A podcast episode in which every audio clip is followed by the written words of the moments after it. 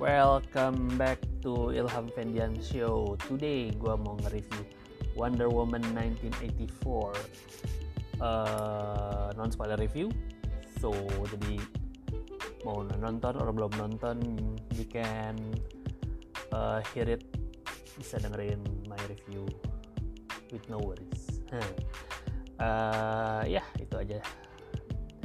And so let's get to it. So Wonder Woman 1984.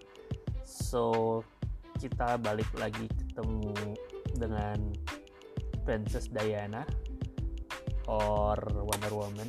Uh, this time ngikutin judulnya Wonder Woman 1984 jadi kita update dari setelah World War II dia. Sekarang dia li, apa uh, jadi curator museum slash art di apa uh, di Amerika guess ya. I think harusnya di Amerika. Ya di Amerika. Uh, ya dan apa hmm, kita lihat gimana uh, dia di tahun sini gimana dia berkembang dia ngapain and then uh, somehow mantan mantannya ya pacarnya yang tiba-tiba eh, emang mereka pacaran mana ya pokoknya her lover or whatever itu uh, di si Steve Trevor somehow magically hidup lagi gitu padahal kita tahu udah mati gitu kan. And then that's the mystery to solve gitu. Dan adventure-nya mulai dari situ kurang lebih. So yeah uh, this movie man. So for me ada some things are working and some and some are don't. Uh, yang working is paling utama sih Gal Gadot because she she was good as Diana. Mungkin uh, ini faktor dari dia udah berkali-kali jadi Wonder Woman kan. Uh, ya udah berapa film saya udah berapa film dia? Jadi Wonder Woman 4, 5 sama yang ini. And then you can see the level of comfort uh, comfort dia peranin Wonder Woman gitu PD-nya gitu.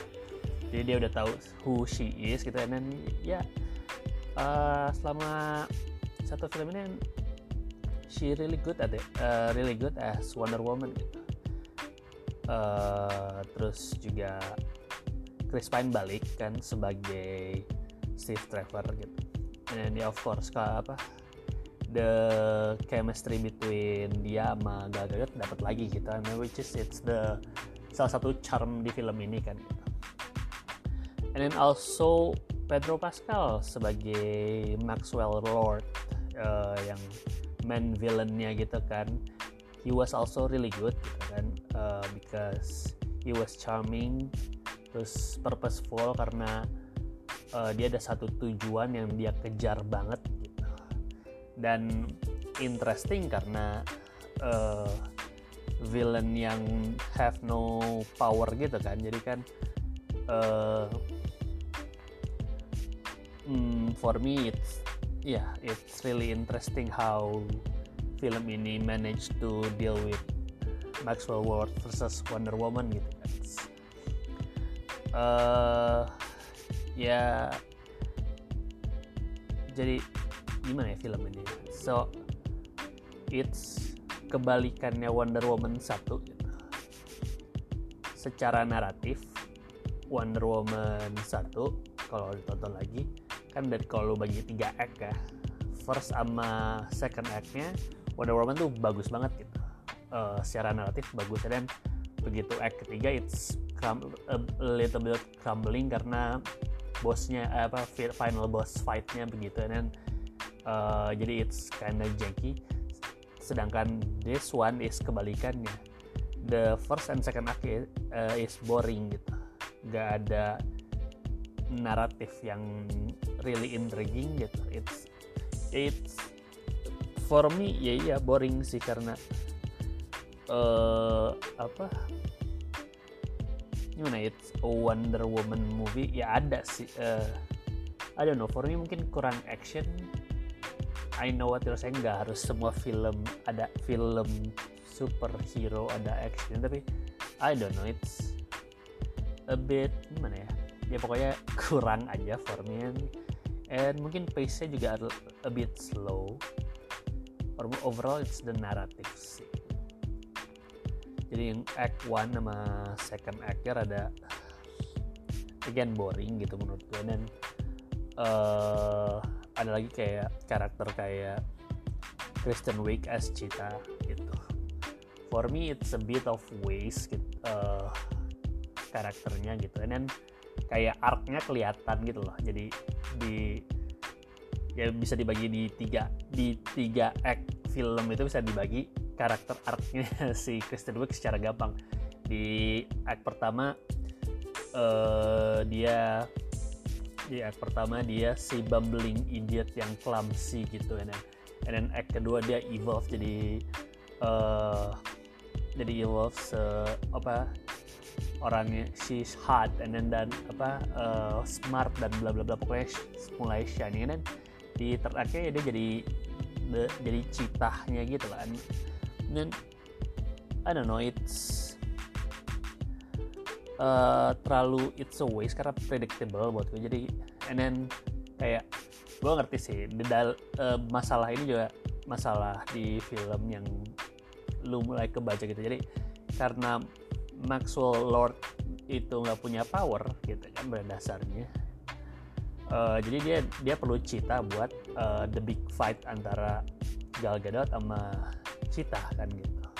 Mereka perlu the ending which is ya yeah, again that's the problem I think gitu kan. Karena Cita was there on cuman buat ya di berantemin sama Gal Gadot then beres gitu. And then the CGI was bad gitu. Bisa kelihatan sih dari uh, kalau CGI aja jelek pasti langsung night atau gelap berantemnya tempat gelap jadi nggak kelihatan banget.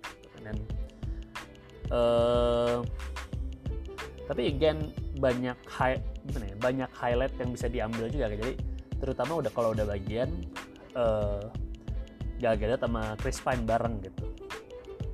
Ya apalagi di di sini mau apa uh, di switch kan role ya kalau inget di Wonder Woman 1 uh, Gal Gadot yang datang ke dunia manusia dan dia jadi dia heran dia heran gitu kan. Nggak tahu ini apaan gitu kan. And then sekarang kayak dibalik role-nya gitu. Uh, dengan bedanya uh, ya I mean lu gitu gak kayak uh, Steve tahu apa tuh kereta itu kerjanya gimana or up, pesawat tuh kerjanya mereka. Dia udah pernah uh, apa tahu gimana manusia tuh bekerja. Sedangkan kan Gal Gadot gak pernah tahu dunia kerja. Makanya pas dia masuk dunia dunia tuh it's so pure gitu kan. Sedangkan kayak anggap baik si Steve tuh koma berpuluh-puluh tahun dan dia bangun-bangun dia ngeliat kayak dunia tuh udah berubah gitu. Jadi perspektifnya jadi uh, a bit dimodif dikit dan menurut gue itu small things yang menarik gitu loh kalau perspektifnya dan pokoknya dia juga mereka juga ngasih momen-momen kenapa anggap aja kenapa gak uh, Diana sangat bucin sama Steve sampai film Justice League gitu kan. Which is ya gitu it's ya ada highlight yang menarik. Kan ya selama film ini charmingnya Maxwell Lord ya it's really interesting gitu kan. Tapi again gitu. Uh, hmm, gimana ya? Si I get the message ya. Message-nya sih gue dapet gitu tapi it's I don't know. Pokoknya there's something mungkin gak gue nggak tahu mungkin naratifnya or uh, naratifnya or apa ya? It's nggak tahu pokoknya it's oh kayak ada masalah gini lah. Uh, ada pokoknya ada satu di pas mulai filmnya ada dikasih kayak satu nggak satu scene pokoknya satu cerita kecil di mana Diana pas muda gitu Diana pas muda pokoknya dia ikut pertandingan gitu di pas dia masih di Amazon. Ya Amazon apa sih? Gue lupa. Dunia dunia dia. Uh, ya pokoknya dari pokoknya ada cerita yang pokoknya Diana harus belajar tapi si depan itu kayak nggak ada payoffnya aja untuk selama ke film. Kayak cuman it's there for there aja pokoknya.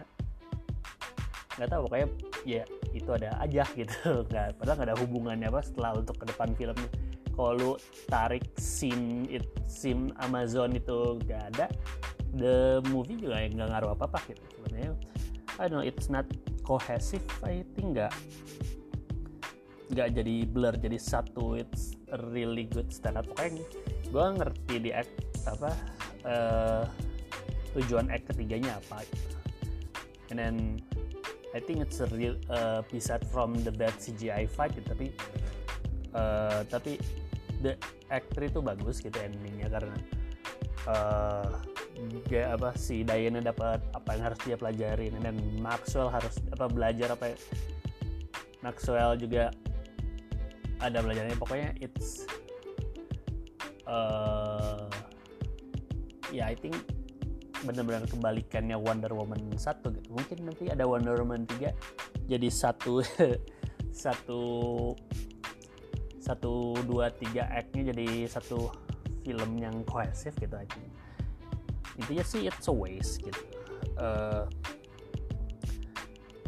uh, but so for me Wonder Woman 1984 it's meh it's a bit let down but it's okay to watch gitu hmm, yeah that's it from me so Wonder Woman 1984 have you seen it? What do you think? And talk to you later. Bye